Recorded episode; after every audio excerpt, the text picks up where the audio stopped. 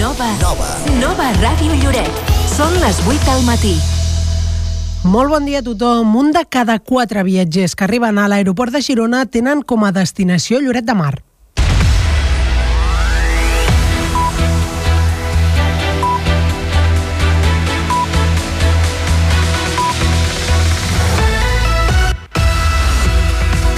És una de les principals conclusions d'un estudi que ha fet el grup de recerca en Economia, Indústria i Serveis de la Universitat de Girona. Un estudi elaborat del 16 de juliol al 6 de setembre de l'estiu passat que s'ha fet a través de prop de 2.000 enquestes. La majoria s'han fet a turistes estrangers de 9 països, França, Bèlgica, Finlàndia, Països Baixos, Alemanya, Itàlia, Irlanda, Regne Unit i Polònia. De les moltes dades que s'han presentat, una de les més destacades parla sobre la despesa mitjana dels visitants de Lloret, que és de 158 euros per persona i dia. La despesa més elevada la fan els turistes polonesos, irlandesos i francesos. D'aquí uns minuts escoltarem l'alcalde Jaume Dolçat i també Enric Dotres, del Gremi d'Hostaleria, i entrevistarem Anna Garriga, directora de l'estudi. Molt bon dia a tothom, benvingudes al Bon Dia Bona Hora de Nova Ràdio Lloret. Avui és dijous 2 de març. I què més eh, tenim previst per avui? Doncs ho sabem amb en Josep Altafulla. Molt bon dia, Josep. Bon dia, Maria. Avui anunciarem que estan obertes les inscripcions per a una jornada que es fa la setmana vinent sobre la Web3 i com es pot aplicar al sector turístic de Lloret. Per això parlarem amb dos dels responsables, Damià Font, de l'empresa Mar Mirada, i Adrià Bosch, de My Chatful. A la segona part ens posarem cinèfils amb el Cineclub Adler, que avui projecta una història d'amor i deseo dins del cicle Cinema i Dona. La comentarem amb Joan Moret, president del Cineclub. Tot seguit eh, entrevistarem eh, la Paloma Hurtado, una de les creadores de l'espectacle de dansa contemporània INA que es representa aquest divendres al teatre i que avui dijous compta amb un taller complementari. I per acabar destacarem que el Club de Futbol Lloret organitza aquest diumenge el triangular solidari de veterans amb la participació del Girona i el Palamós. Es tracta d'un triangular, una jornada benèfica en què els guanys es destinaran a pas a pas, dedicada a ajudar persones amb autisme. Doncs això és el que us volem explicar des d'ara i fins les 9 del matí, a banda de repassar l'actualitat general fixant-nos sobretot en els diaris i també de conèixer quina és la previsió meteorològica. Comencem una nova edició del Bon Dia Bon Hora amb Rosa Giral, Moisès Garcia i aquí en directe hi som Josep Altafulla i Maria Joan Comartí. Bon dia, bona hora. De dilluns a divendres, de 8 a 9 del matí.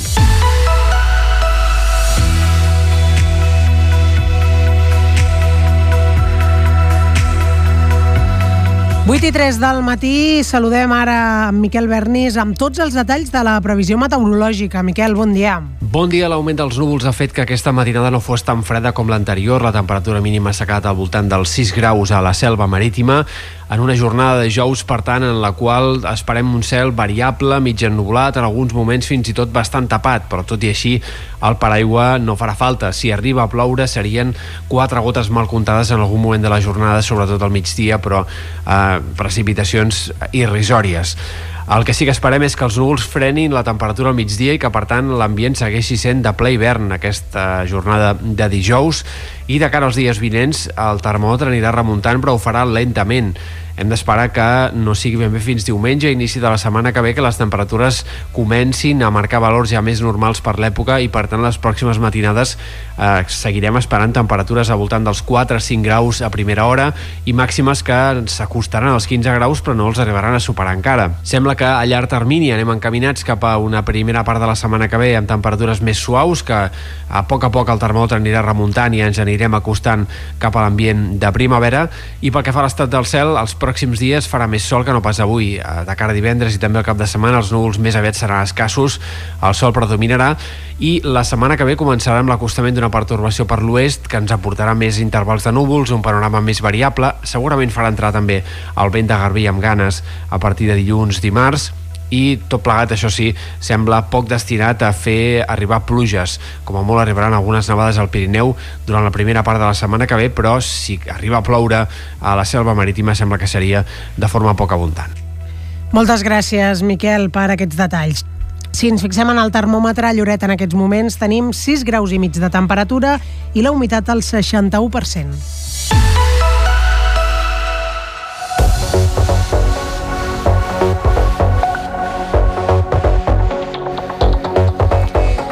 I ens posem ara al dia en aquest dijous 2 de març del 2023 i el, tant el diari de Girona com el Punt Avui la imatge de portada és per una notícia d'uns fets d'ahir a la nit a Girona en què va haver-hi un espectacular incendi. Un virulent foc es va declarar ahir al vespre en un concessionari de motos de la carretera de Barcelona i les flames pràcticament van destrossar una escola d'FP. Això és el que diu el diari de Girona on s'hi veuen els bombers apagant les flames ahir a la nit mentre que al punt avui el titular qui destina és espectacular incendi en un concessionari de motos a Girona. Diu que el foc hauria començat a l'escola tècnica i s'hauria propagat al magatzem de motocicletes. Per tant, caldrà veure finalment, veiem dues versions, una que va començar en el magatzem de motocicletes i es va propagar per l'escola i l'altra versió és que va començar a l'escola tècnica. En tot cas, el foc va ser espectacular, les imatges eh, que veiem eh, són molt i molt espectaculars i en el cas del punt, la fotografia és de la columna de fum i flames que es veia ahir des de diversos indrets de la ciutat en aquest foc que es va declarar just davant de la nova clínica Girona, a la carretera de Barcelona. Més titulars, el, ens quedem a la portada del punt. Llum verd pel nou hospital de Palamós. També es fa ressò aquest diari que d'unes declaracions d'Irene Montero, que és la ministra d'Igualtat, que diu que la majoria d'agressors sexuals no han trepitjat mai un jutjat. El, avui el diari El Punt entrevista a la ministra. En plana esportiva, l'Uni diu adeu a Europa. Cau un altre cop a Salamanca 74 a 63. És el que destaca en esports el diari El Punt, mentre que el diari de Girona també se'n fa ressò en portada, però destaca d'aquest partit la greu lesió de Maria Araujo, una de les principals jugadores de l'Uni aquesta temporada. Més titulars a la portada del diari de Girona. Figueres, Banyoles i Sant Feliu no han presentat els plans de sequera a l'Agència Catalana de l'Aigua. Jordà recorda que són obligatoris pels municipis de més de 20.000 habitants i que si no es lliuren es pot sancionar. Uh, sabem que Lloret està treballant en aquest pla.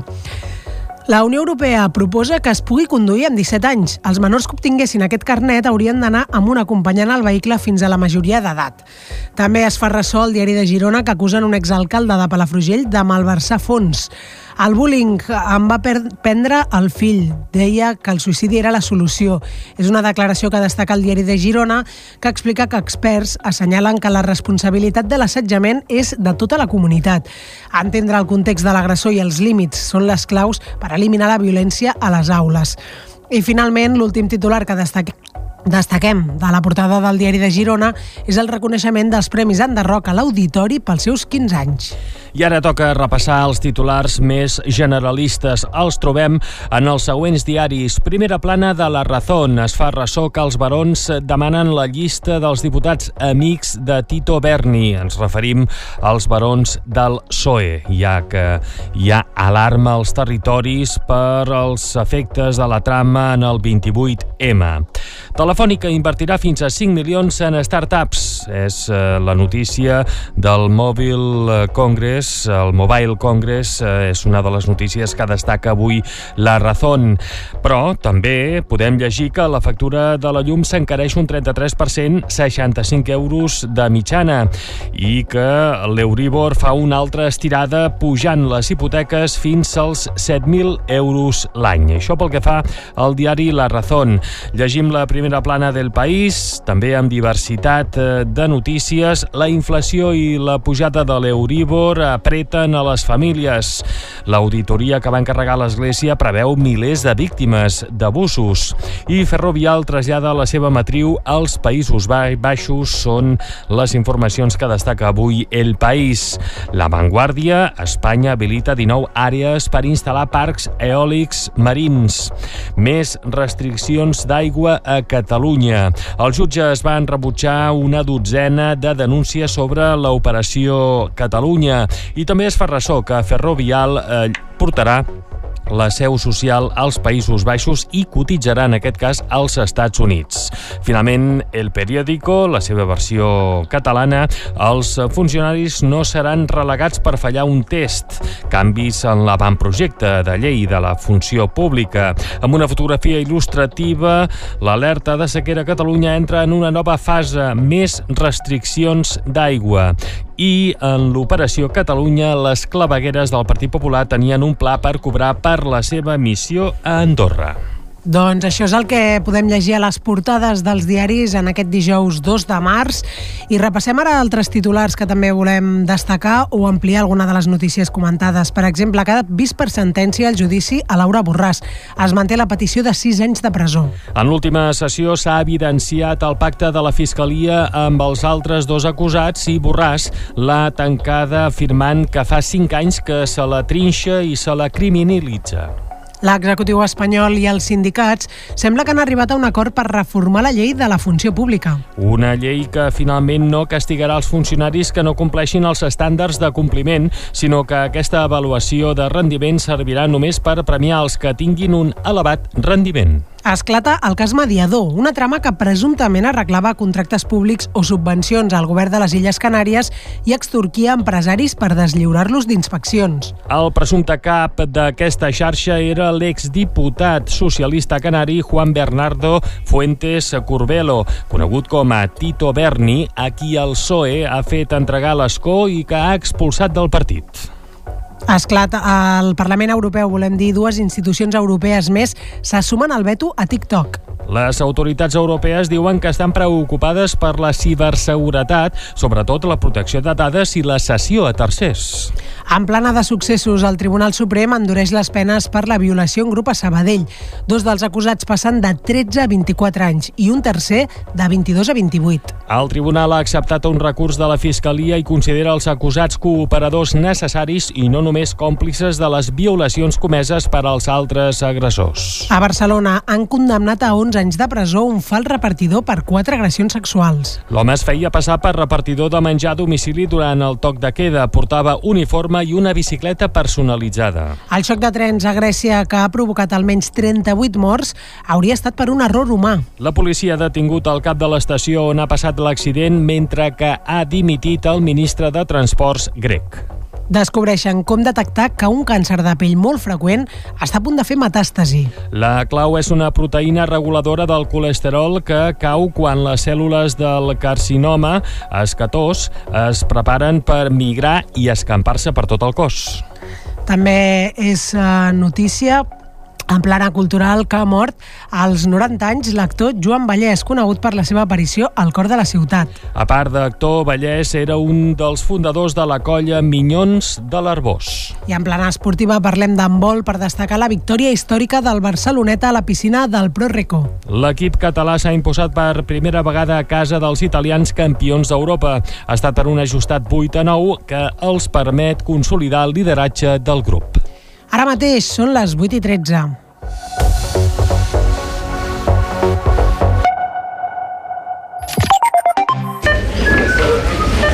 El Mercat Municipal de Lloret t'ofereix productes frescos i de proximitat amb aparcament gratuït. Peix, carn, fruita, verdures fresques i queviures... Vine, tria, compra o fes el teu encàrrec. Trobaràs un tracte directe i de confiança. Els paradistes es posen a la teva disposició per aconsellar-te en els productes de la compra. Ara més que mai, vine al teu mercat. Vine al Mercat Municipal de Lloret. T'esperem al carrer Sènia del Revic, al costat de l'escola Esteve Carles. Centre Mèdic Loreto. Obtenció i renovació de permisos de conduir, llicències d'armes, seguretat privada, animals perillosos, obtenció de targeta de residència, tot tipus d'esports i la tramitació gratuïta del permís de conduir. Tenim el servei de medicina general, pediatria, psicologia i fisioteràpia. Treballem amb les principals mútues. Centre Mèdic Loreto. Carrer Verge de Loreto 53, al costat de la Policia Nacional. Telèfon 972 36 96 12. Perquè tot el que fem surt del cor, la connexió més forta que pots tenir. I no només parlem de fibra òptica, telefonia mòbil i tots els nostres serveis. Et parlem dels sentiments de pertànyer a un lloc que estimes. Fitel Network. Orgullosos de connectar amb tu. Orgull de Lloret. Fitel, la fibra òptica i telefonia mòbil. Les connexions de veritat. Les del cor. Vols millorar la visualització del teu negoci? Cartelleria digital i pantalles LED d'interior i exterior a Víctor So. Instal·lació, manteniment i lloguer. Dirigit a comerços i negocis locals. Potencia el teu negoci i millora la teva marca amb les pantalles LED de Víctor So.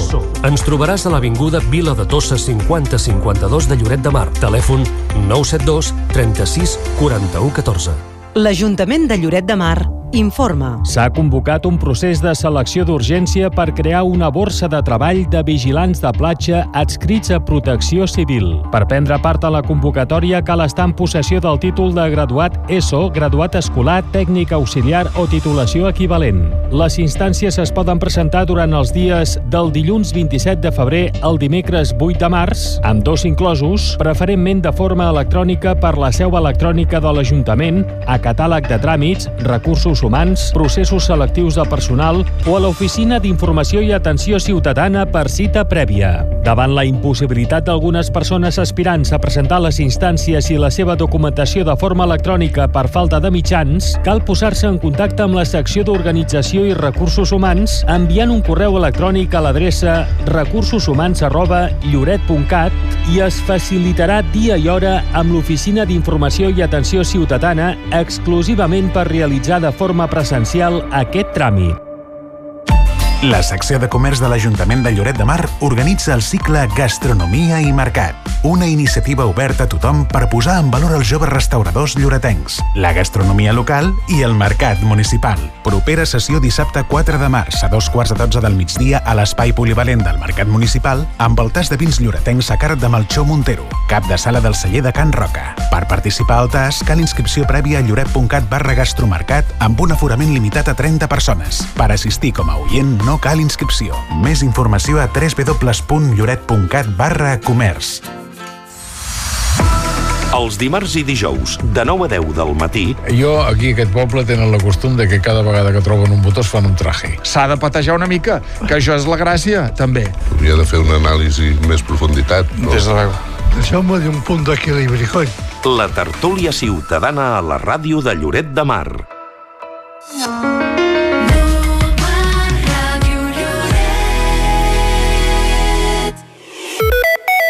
Bon dia, bona hora.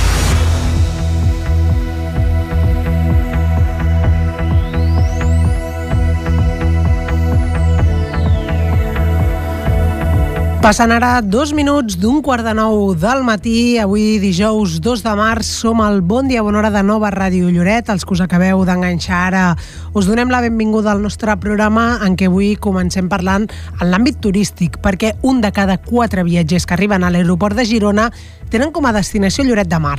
És una de les principals conclusions d'un estudi realitzat pel grup de recerca en Economia, Indústria i Serveis de la Universitat de Girona. Aquest estudi elaborat del 16 de juliol al 6 de setembre de l'estiu passat s'ha realitzat a través de prop de 2.000 enquestes. La majoria s'han fet a turistes estrangers de 9 països. França, Bèlgica, Finlàndia, Països Baixos, Alemanya, Itàlia, Irlanda, Regne Unit i Polònia. De les moltes dades que s'han presentat, una de les més destacades parla sobre la despesa mitjana dels visitants de Lloret, que és de 158 euros per persona i dia. La despesa més elevada la fan els turistes polonesos, irlandesos i francesos. En global, és una despesa molt similar a la que registra Barcelona o a la ciutat de Girona. Pel que fa a la durada de l'estada, la mitjana és d'una mica més de 7 dies. En aquest cas, l'estada més llarga es registra en els visitants d'Irlanda i de França. Tot plegat, hi ha una molt bona valoració en general per part dels turistes, amb un 4 sobre 5, amb el clima, la platja i la vida nocturna com els punts més ben valorats. L'alcalde de Lloret, Jaume Dolçat, valora les xifres de manera molt positiva i destaca que els índexs de satisfacció i despesa a la vila són molt elevats en comparació amb la resta de destinacions. Hi ha unes dades absolutament positives sobre 2.000 enquestes en totes les franges, totes les hores, doncs eh, un 25% o gairebé un 25% dels turistes que passen per l'aeroport de Girona tenen com a destinació Lloret de Mar, que és molt, està molt lluny del segon, del tercer i de tota la resta, a més a més, amb uns índexs de, de satisfacció molt alts i una despesa per persona diària també molt alta. Això demostra doncs, que eh, potenciar l'aeroport de Girona és una millora absoluta de Lloret de Mar com a destinació turística. Per la seva part, Enric Dotres, vicepresident del Patronat de Turisme, considera que l'estudi és molt útil, amb dades molt positives i ens eh, serveixen per trencar els tòpics que hi ha de Lloret de Mar. Jo el que destacaria és la gran informació que ens dona amb, amb valors tant relatius com absoluts de tots els clients de l'aeroport de Girona que venen a Lloret de Mar i sobretot en comparativa amb la resta de, de comarques gironines i de Costa del Maresme Nord, que és on venen tots els clients que arriben a l'aeroport i crec que són unes dades molt positives i que, com s'ha dit avui, trenquen alguns tòpics que a vegades hi ha des de fora i que des de dintre no parem de treballar per canviar-los.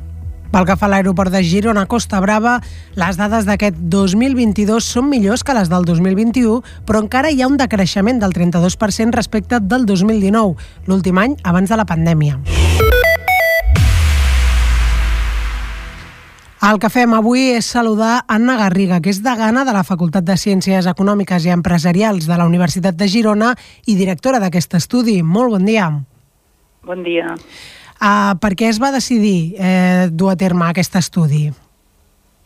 Bé, aquest estudi es va fer perquè ja es preveia que l'estiu passat eh, no s'ompliria l'aeroport com s'hauria d'haver omplert en favor del sector turístic gironí. Llavors vam voler fer l'estudi de quines característiques tenen aquests turistes. Aquest estudi, a més a més, s'ha allargat fins a final d'any i, per tant, s'han reforçat els resultats per saber també quina capacitat té el sector turístic de desestacionalitzar la, la seva oferta al, al llarg de, de tot, de tot l'any. Eh? I aquesta capacitat de desestacionalització doncs, ha d'arribar via aeroport i actualment doncs, l'aeroport està infrautilitzat. Eh? Tenim, tenim un aeroport a 100 quilòmetres de Barcelona, pràcticament 8 els mesos eh, durant mig any, i això és una ineficiència de país. De fet, és una ineficiència productiva per, per Girona, tota la, la demarcació de Girona, que arrosseguem de fa masses anys, i això impedeix doncs, que l'economia gironina recuperi la prosperitat que tenia eh, i, i sobretot té incidència, evidentment, sobre el sector turístic gironí. I com es pot solucionar això, que aquesta infravaloració, no? aquesta infrautilització, vaja, de, de l'aeroport? Què es podria fer?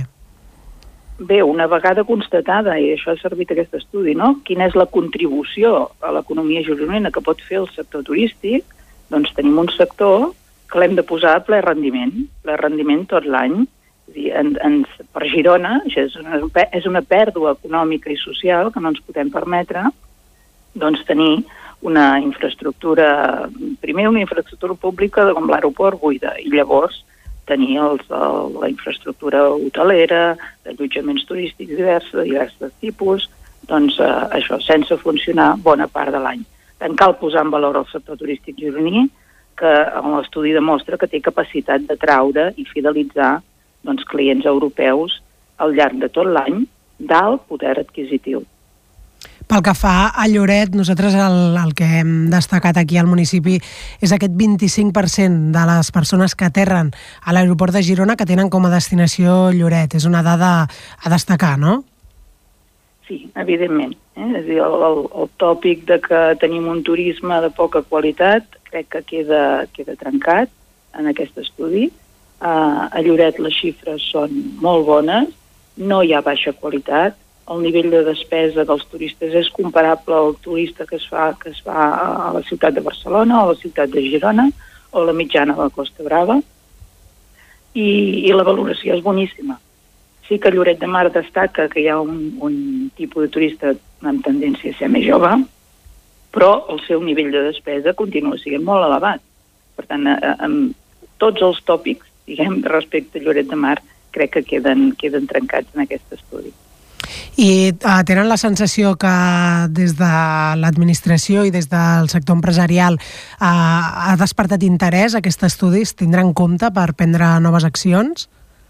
Bé, de fet, aquest estudi eh, neix a partir de la taula gironina de turisme, on hi han representades totes les associacions que representen el sector turístic gironí. Val? I aquest estudi ha estat finançat per la Diputació de Girona, hem realitzat des de la universitat, i les conclusions són molt clares. És dir, hem de reforçar les línies actuals, perquè les línies actuals ens porten doncs, bons clients, però hem d'obrir noves línies dins d'Europa. Um, el cas de Polònia, per exemple, que realitzen una despesa molt elevada, doncs és un país de l'est eh, eh, important. Hi ha poques línies, s'haurien de reforçar, però hauríem de reforçar en noves línies a tots els països de l'est. Tampoc ens arriben via aeroport eh, turistes de països nòrdics. Aquests tenen un elevat poder adquisitiu. És dir, cal reforçar les línies actuals, cal obrir noves línies i també cal diversificar les companyies aèries que operen a l'aeroport de Girona, perquè tot això afavoriria també que tinguéssim línies regulars tant a la temporada d'estiu com a la temporada d'hivern. És dir, té el doble objectiu, això. Revitalitzar l'aeroport té dos objectius. Un, desestacionalitzar la temporada turística i l'altre, fer útil l'aeroport pels gironins, que resultat d'aquestes enquestes també hem vist que només un 2,4% dels encastats han sigut gironins. Doncs recollim totes aquestes conclusions i, evidentment, a qualsevol nova acció que, que s'impulsi, doncs, intentarem fer-nos en ressò i estar-hi ben atents. Anna Garriga, com a degana de la Facultat de Ciències Econòmiques i Empresarials de la UDG i com a directora d'aquest estudi que hem comentat avui, moltíssimes gràcies per atendre la trucada de la ràdio i molt bon dia. Gràcies a vosaltres, bon dia.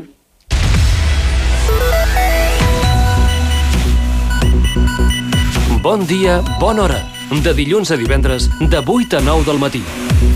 D'aquí 4 minuts seran dos quarts de nou. S'han obert les inscripcions per a una jornada que es du a terme la setmana que ve a Lloret sobre els reptes i oportunitats de l'internet que arriba, anomenada Web3, així com de la intel·ligència artificial.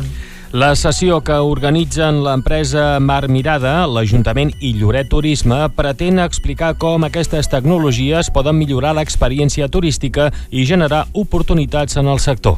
Les dades en temps real i la capacitat de processament de la intel·ligència artificial permeten oferir recomanacions personalitzades i adaptades a les preferències dels clients, tant en la planificació del viatge com durant la seva estada. A més, l'ús de la tecnologia blockchain garanteixen la seguretat i la transparència en les transaccions, mentre que la realitat virtual i augmentada permeten als clients experimentar els destins turístics d'una manera més immersiva i realista. La jornada s'ha previst per dijous vinent, 9 de març, al Teatre de Lloret, de 10 a 2. Les inscripcions s'han de formalitzar a través del web municipal lloret.cat. Al telèfon Damià Font, de l'empresa Marmirada, bon dia. Bon dia, bon dia, Maria. Hem fet un repàs, eh, una pinzellada de què tractarà aquesta jornada, però com a un dels organitzadors, què n'hem de destacar? Doncs molt bé, ho heu dit molt bé a la introducció. Eh, realment el que veurem seran, vindran gent que són ponents, que són experts en la matèria, tant en projectes de Web3, tant en projectes de blockchain i d'intel·ligència artificial, i podrem veure casos d'ús reals que ja estan en pràctica. Uh, per exemple, a l'Hotel Acapulco dueu a terme aquestes innovacions?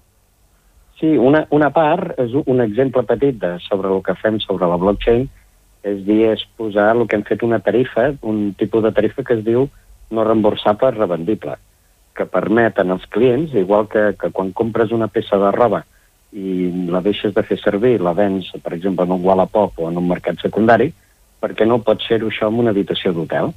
moltes vegades surten imprevistos, que tens unes vacances pagades del 10 al 20 d'agost i tens un familiar malalt o tens alguna situació personal que t'impedeix fer aquest viatge, doncs donem la possibilitat que el client es pugui vendre aquesta habitació, aquesta reserva en una altra persona o fins i tot la pugui regalar. Això és un, un petit exemple de cas d'ús que l'hem aplicat a l'hotel. I funciona? Els clients utilitzen aquest servei? pues et diré que han entrat ja un parell o tres de reserves, ja et dic que és un procés que és bastant nou, que se li ha donat en un parell de setmanes, que s'ha anat arrencant, i és un tema que és molt incipient, però s'ha d'anar testejant tot aquest tipus d'oportunitats que t'ofereix la tecnologia. I qui seran, pel que fa a la jornada de dijous que ve, qui seran els ponents? Sí, per exemple, i, o sigui, tindrem ponents a primer nivell, per exemple, hi haurà en Jimmy Pons, que en Jimmy Pons és un expert innovador tant a nivell, a nivell nacional, i ens compartirà casos d'ús en destinacions. Per exemple, ens explicarà com està funcionant a Màlaga, que ja han aplicat aquesta tecnologia. També estarà Àngela Bustillos, que és de l'empresa d'Explorins, que ells són d'aquí de Barcelona i, per exemple, ells tenen, la seva empresa es considera un hub tecnològic on les seves accions, mitjançant experiències en realitat augmentada i realitat immersiva, tenen un triple impacte social, econòmic i mediambiental. Què vull dir? Que, per exemple, ells han, han fet una acció en el barri del Raval per poder dinamitzar tot el que és el comerç, la restauració, la gastronomia, l'allotjament, on cada acció que hi pugui haver-hi doncs, surti beneficiat al barri. També fan accions, diguéssim, com munten hackathons o trobades per combatre el que és l'analfabetisme digital. O sigui, tota aquella franja de la població que no té un accés a les noves tecnologies, moltes vegades pensem en la gent gran, no? però no és tant la gent gran, sinó també franja de jovent que per la seva situació personal no hi puguin tenir accés a aquesta tecnologia, es munten una sèrie de tallers i llavors els ensenyen també com, com combatre o com fer-ne un bon ús de les xarxes. És el que diem, la Web3 ve fer aquest canvi de que tu quan penges una foto a Instagram o un vídeo a TikTok, aquesta foto ja no et pertany a tu, sinó que permet en aquesta empresa. Aquests serien els casos empresarials de més rellevància, no? Llavors també ens acompanyarà el director del Centre Blockchain de Catalunya, el senyor Quirze Salomó, on sabrem què es dedica i què fa el que és el Centre Blockchain de Catalunya, on a, través de diferents nodes, de diferents temàtiques, per exemple a Vic hi ha el, el node d'alimentària i ens agradaria moltíssim que Lloret pogués tenir el node de turisme en el sentit de poder potenciar tot aquell desenvolupament tecnològic en l'àmbit turístic que és en principi la, la gent, la, la, la, la, o sigui, el sector principal del poble, no? I així poder desenvolupar una, una indústria complementària a lo que és la temporada turística que puguin ser 12 mesos.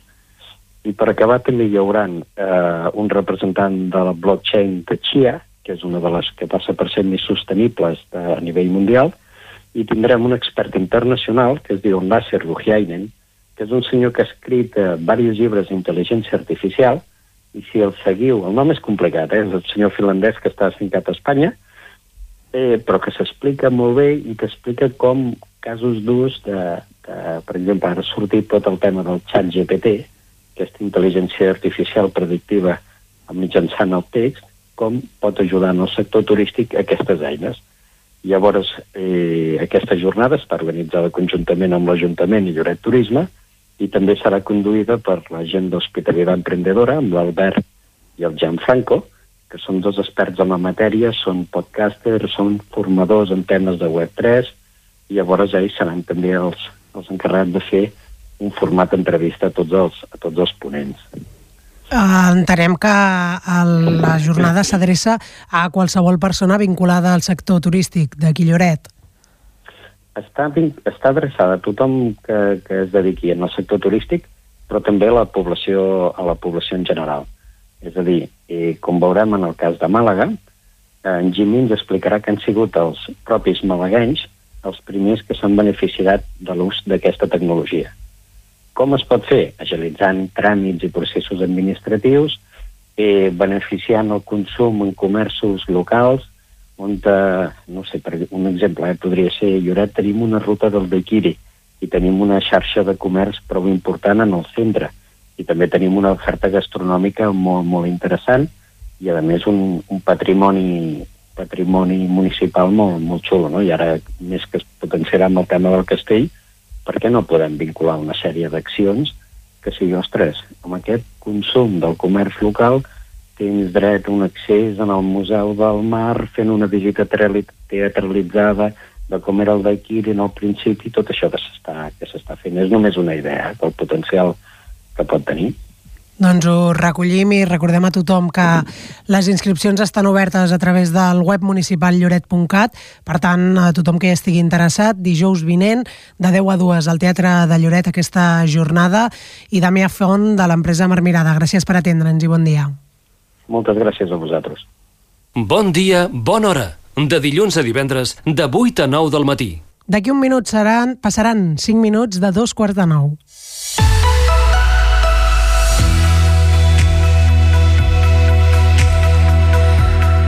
Moment de saludar en Miquel Bernis amb tots els detalls de la previsió meteorològica. Miquel, què ens expliques? Molt bon dia.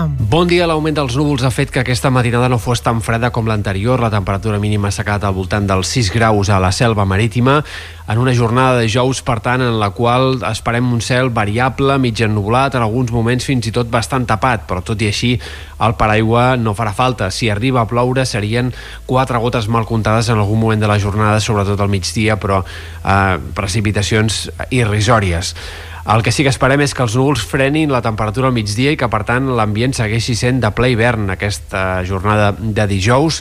I de cara als dies vinents el termòmetre anirà remuntant però ho farà lentament hem d'esperar que no sigui ben bé fins diumenge, inici de la setmana que ve, que les temperatures comencin a marcar valors ja més normals per l'època i per tant les pròximes matinades eh, seguirem esperant temperatures al voltant dels 4-5 graus a primera hora i màximes que s'acostaran als 15 graus però no els arribaran a superar encara. Sembla que a llarg termini anem encaminats cap a una primera part de la setmana que ve amb temperatures més suaus que a poc a poc el termòmetre anirà remuntant i ens anirem acostant cap a l'ambient de primavera i pel que fa a l'estat del cel, els pròxims dies farà més sol que no pas avui. Eh, de cara a divendres i també al cap de setmana els núvols més aviat seran escassos, el sol predominarà i la setmana que ve començarà amb l'acostament d'una pertorbació per l'oest que ens aportarà més intervals de núvols, un panorama més variable, segurament farà entrar també el vent de Garbí amb ganes a partir de dilluns, dimarts, i tot plegat, això sí, sembla poc destinat a fer arribar pluges. Com a molt arribaran algunes nevades al Pirineu durant la primera part de la setmana que ve, però si arriba a ploure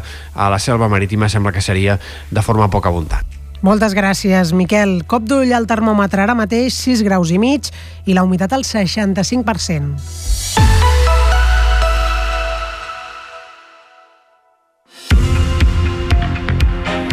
Bon dia, bona hora de dilluns a divendres, de 8 a 9 del matí.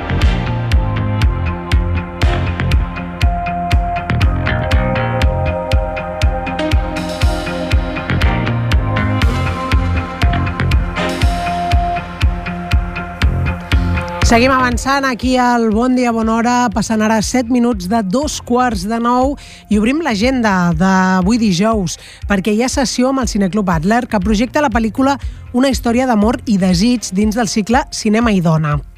Aquesta, aquest passi d'una història d'amor i desig s'ha previst avui a dos quarts de nou del vespre al teatre i és una activitat coorganitzada amb l'Associació de Dones L'Aurora. Forma part de la programació de la capital de la cultura catalana.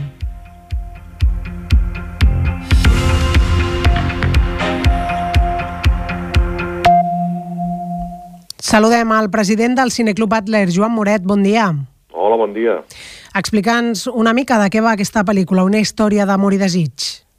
Uh, doncs bé, és un, una història d'amor i desig, és un, una, una, una pel·lícula de, aviam, de, com ho diríem, és uh, una història d'amor i, de, i de seducció adolescent, uh, un film que, que explora la, la relació de, de la cultura amb la, amb la sexualitat i que, a més a més, vindica una mica la, la riquesa d'una literatura, eh, la literatura àrab, eh, amagada eh, històricament per, eh, per l'islam. Segur que si, si, ens, si ens pregunten per, per literatura eh, eròtica, doncs eh, eh, el primer que ens ve al, al cap segurament doncs, serà les, les mil i una nits, però, però si busquem algun altre llibre, doncs potser no ens en ve cap més al cap, i la pel·lícula el que fa és vindicar una, una tradició literària àrab que ha estat eh,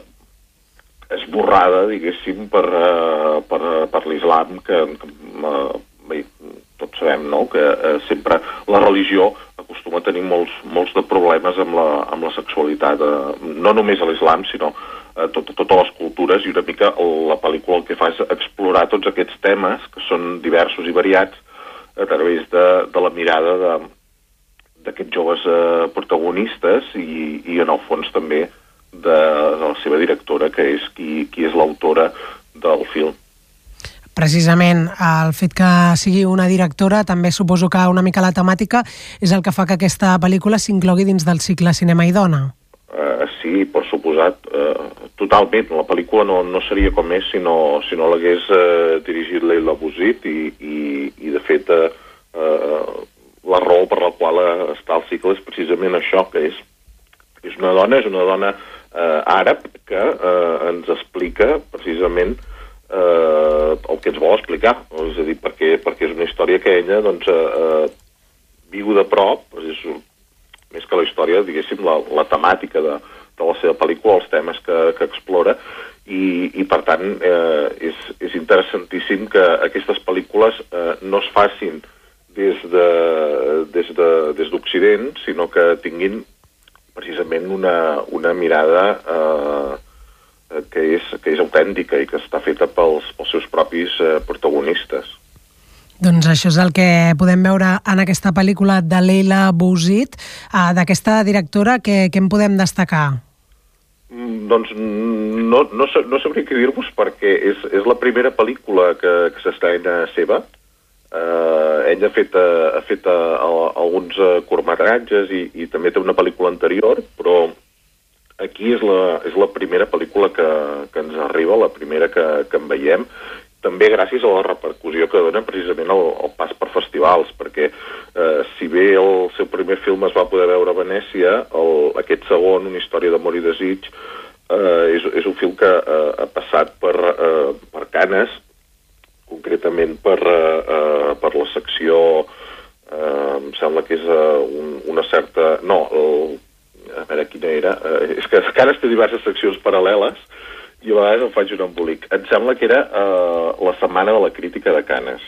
Mm. És, una, és una secció que és paral·lela al, al festival i que uh, bé, programa la crítica i d'alguna manera posa el focus en uh, realitzadors que es consideren uh, importants. I, i, i l'Ela Bosit és, és allà. Ella és filla de, uh, de, de director de, de cinema, el seu pare és, de, és director de cinema, i, i bé, com us he dit abans, és una directora eh, d'origen eh, nord-africà i per tant eh, bé, té molt clar que el que ens vol explicar eh, són històries relacionades amb, amb la seva cultura.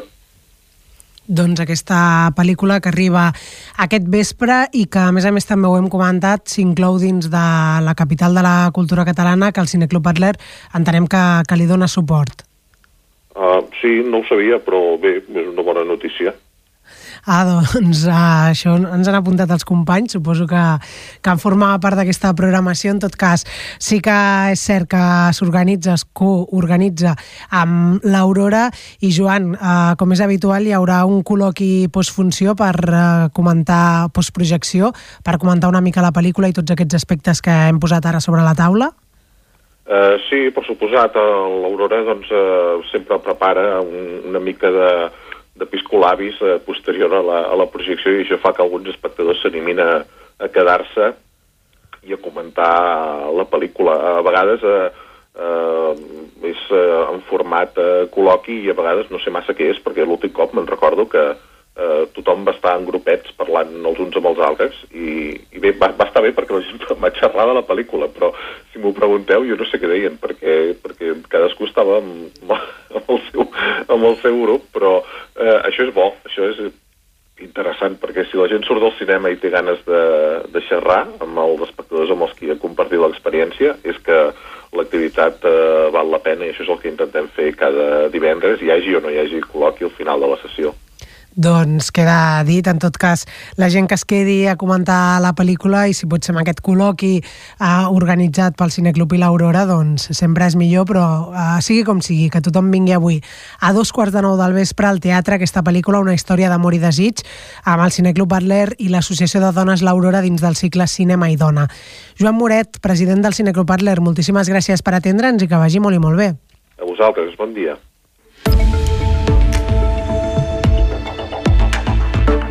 Bon dia, bona hora. De dilluns a divendres, de 8 a 9 del matí. I seguim avançant, són gairebé tres quarts de nou del matí i seguim ara amb l'agenda d'aquest cap de setmana, perquè divendres, demà, arriba a Lloret l'espectacle de dansa Ina, amb Paloma Hurtado i Daniel Morales. Un espectacle que posa el focus en el concepte de la llum, aquella llum que no veiem però que brilla amb intensitat a dins de tots nosaltres. Ina és una peça de dansa contemporània que gira al voltant del concepte de la llum, que és aquella llum que ens iguala i ens alimenta, que ens assimila a la resta d'humans i a la naturalesa. És un viatge en el temps i l'espai, un espectacle que t'atrau des del primer moment, diuen els seus eh, creadors. L'espectacle forma part de la capitalitat de la cultura catalana i es representa demà a les 8 del vespre al teatre. Tot plegat es complementa avui dijous amb un taller de dansa contemporània amb la mateixa Paloma Hurtado que començarà a les 7 de la tarda. Cal apuntar-se enviant un correu electrònic a teatredellloret arroba lloret.cat.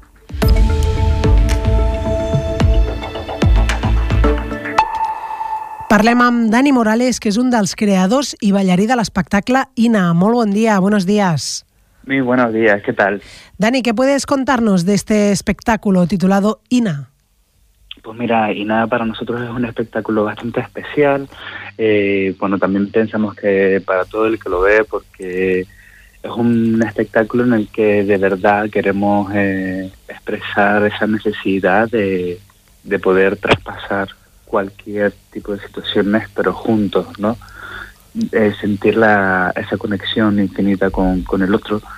Y bueno, es un espectáculo visualmente precioso, ambientado en el, espacio, es una mezcla entre eh, un, un, espacio onírico y de ciencia ficción. Y, y bueno, y, y, poco más que contar, ¿no?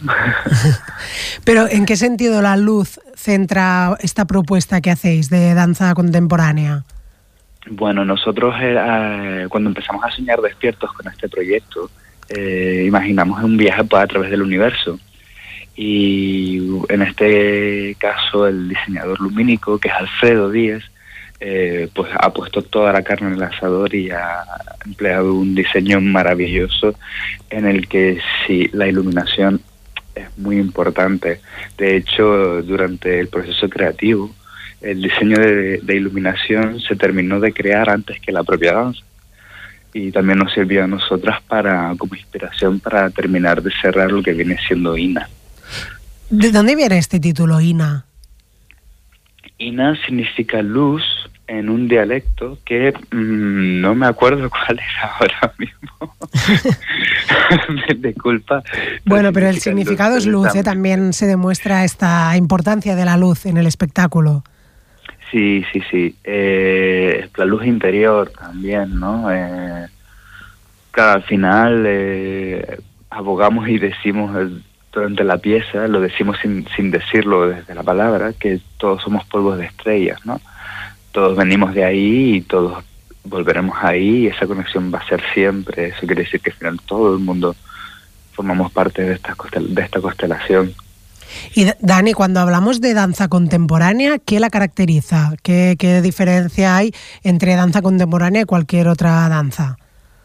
Bueno, la danza contemporánea es la danza, digamos, actual. Yo voy a hablar de INA más que de la danza contemporánea en general. La danza de INA es una, es una danza que se alarga en el tiempo, pero que embeleza, que, que endulza, ¿no? que hace que, que el espectador se ablande un poquito y, que viaje con nosotros, ¿no? que para nosotros es, es, muy importante intentar abrir esa cuarta pared del escenario e invitar al espectador a que también viaje por el, por el espacio con nosotros. Entonces la danza de Ina es una danza, es una danza potente que, que sobrepasa los límites de, los tiempos, ¿no? de, de lo suspendido y de repente con la sorpresa. Y una danza es una danza bastante bastante a mi parecer real que va mucho más allá del virtuosismo. Y el taller que se hará esta tarde y que complementa este espectáculo en qué consistirá pues ahí habría que preguntarle a mi compi Paloma porque va a ser quien quien se encargue pero va a ser sobre todo para para intentar trasladar eh, herramientas, tanto de las que hayan salido Nina como las que no, eh, pues al, al, a quienes lo hacen. Eh, sí, la idea es siempre invitar, y en este caso, eh, como aprender a hablar, pero desde el cuerpo, ¿no? En vez de estar hablando desde el diálogo. Y bueno, moverse siempre viene bien. En todo caso, este taller que se llevará a cabo hoy de 7 a 9, a cargo, comentabas, de tu compañera Paloma Hurtado, y de hecho con ella estaréis en el escenario, y además, y además, además Alfredo Diez Umpierrez ha participado también en la creación del espectáculo. ¿Cómo fue este proceso de, creación? ¿Cómo os nació la idea y, cómo la llevasteis a cabo entre los tres? Pues mira, fue... Eh fue en un viaje, en una de estas que estábamos eh, en una función para otra compañía. Y ahí estábamos nosotros tres y también había otra colaboradora que ya no está. Eh, y ahí empezamos a soñar despiertos. Primero empezó la necesidad de trabajar juntos. Paloma y yo nos conocimos hace 10 años, llevamos 10 años bailando juntas. Y fue en ese entonces, allá por 2020, eh, a finales de 2020, sí, donde empezó a, a, salir la pues esa curiosidad, ese gusanillo y decir, oye, vamos ya a, a hacer algo, ¿no? Y sobre la marcha empezamos a, a, soñar con el espacio, con las constelaciones, nos imaginamos ese viaje eh, y despertamos un poco más el imaginario y pensamos también en Los Ángeles. Entonces, claro, a este proyecto se sumó Lucas Lorenzo, que es nuestro rigger, que eh, el rigger es un especialista en trabajos en altura y el, y el equipo de colaboradores lo conformamos nosotros cuatro. Y desde el primer momento empezamos a poner todo lo que sabemos hacer, cada uno en su área, nosotros desde el cuerpo, Alfredo desde la iluminación y Luca desde, desde el trabajo en altura.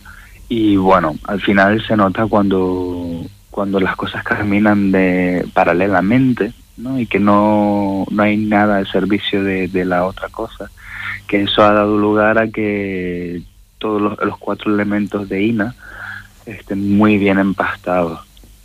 Uh -huh. Y así ha surgido todo. pues muy fácil, muy Muy, muy fácil, eh, ¿qué quieres decir? Porque desde fuera no se ve fácil pero bueno, ha sido fácil armar. Os habéis entendido bien y, eh, ¿no? Sí. y entre los tres ha sido fácil el trabajo. Exacto, sí, sí, sí, sí. Y también a la hora de hacerlo, ¿eh? con su complejidad, pero bueno, lo hacemos encantado. Y Dani, ¿cómo animarías a la gente a venir mañana a veros aquí a Lloret? ¿A qué público crees que puede interesar más o si es para todos los públicos y qué les dirías? Pues mira, INA es, es para todos, eh, da igual el tipo de danza que te pueda gustar, da igual la edad que tengas. Eh, INA es, a mi entender, eh, es un espectáculo para desconectar de tu día a día y para volver a reconectar contigo mismo. Es un espectáculo visualmente precioso y bueno, es la segunda vez que estamos en tierras catalanas con él. Yo creo que es una muy buena oportunidad para volverlo a ver. Eh, pues. Así que bueno, que vengan todos, creo que sí, a viajar por el espacio. Claro que sí, que venga todo el mundo eh, mañana a las 8 a, en el teatro, esta representación de INA dentro de la capitalidad de la cultura catalana y además, ya lo hemos comentado también, que hoy a las 7 de la tarde hay un taller con Paloma Hurtado a, que para apuntarse pues se tiene que enviar un correo a teatradalloret.cat. Dani Morales, como creador y bailarín de este espectáculo, muchísimas gracias por habernos atendido hoy aquí en la radio de Lloret de Mar. Muy buenos días y que vaya muy bien por Lloret. Muchísimas gracias a ustedes por la cobertura. Un abrazo. Bon dia, bona hora. De dilluns a divendres, de 8 a 9 del matí.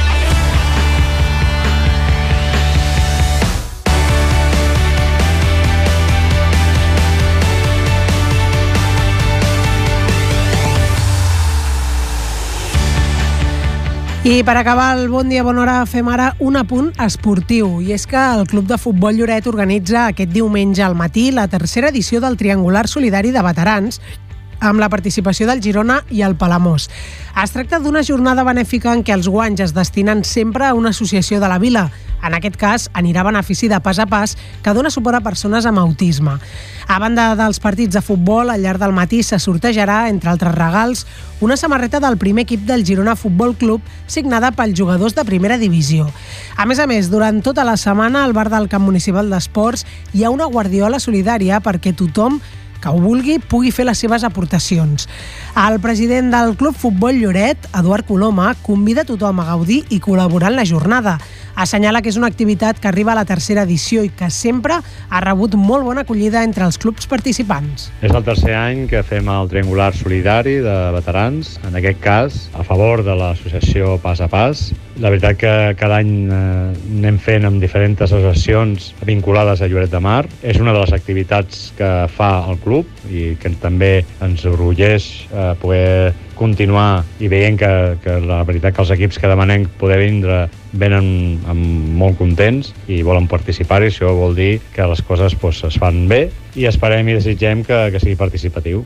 Des de l'associació Pas a Pas es mostren molt agraïts per la celebració d'aquesta jornada esportiva i benèfica. La presidenta, Eva Palau, assegura que aquestes iniciatives ajuden a donar visibilitat i a consciència a la població sobre el que suposa l'autisme per les persones que el pateixen. Estem molt contents que un cop més les entitats de la nostra població i en aquest cas el Club de Futbol Lloret hagi pensat en nosaltres com a beneficiaris d'aquesta jornada perquè iniciatives com aquestes ens serveixen per seguir donant visibilitat a l'autisme i sensibilitzar el nostre entorn proper. I, evidentment, doncs, ens ajuden a tirar endavant els objectius i els projectes que tenim a l'associació.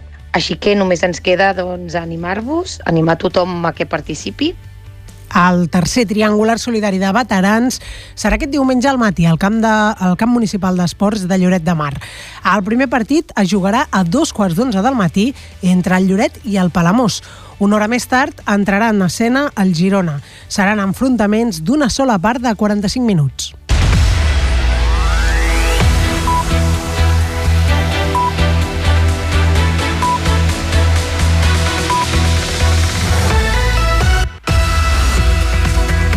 3 minuts i mig i arribarem a les 9 del matí, per tant, moment de posar punt i final al Bon Dia Bona Hora d'avui dijous 2 de març. Un bon dia bona hora en què hem començat destacant les dades d'un estudi que es va presentar ahir aquí a Lloret de Mar, que és sobre l'aeroport de Girona i que, entre altres coses, doncs, destaca que un de cada quatre viatgers, és a dir, el 25% dels viatgers que arriben a l'aeroport gironí, tenen com a destinació Lloret de Mar.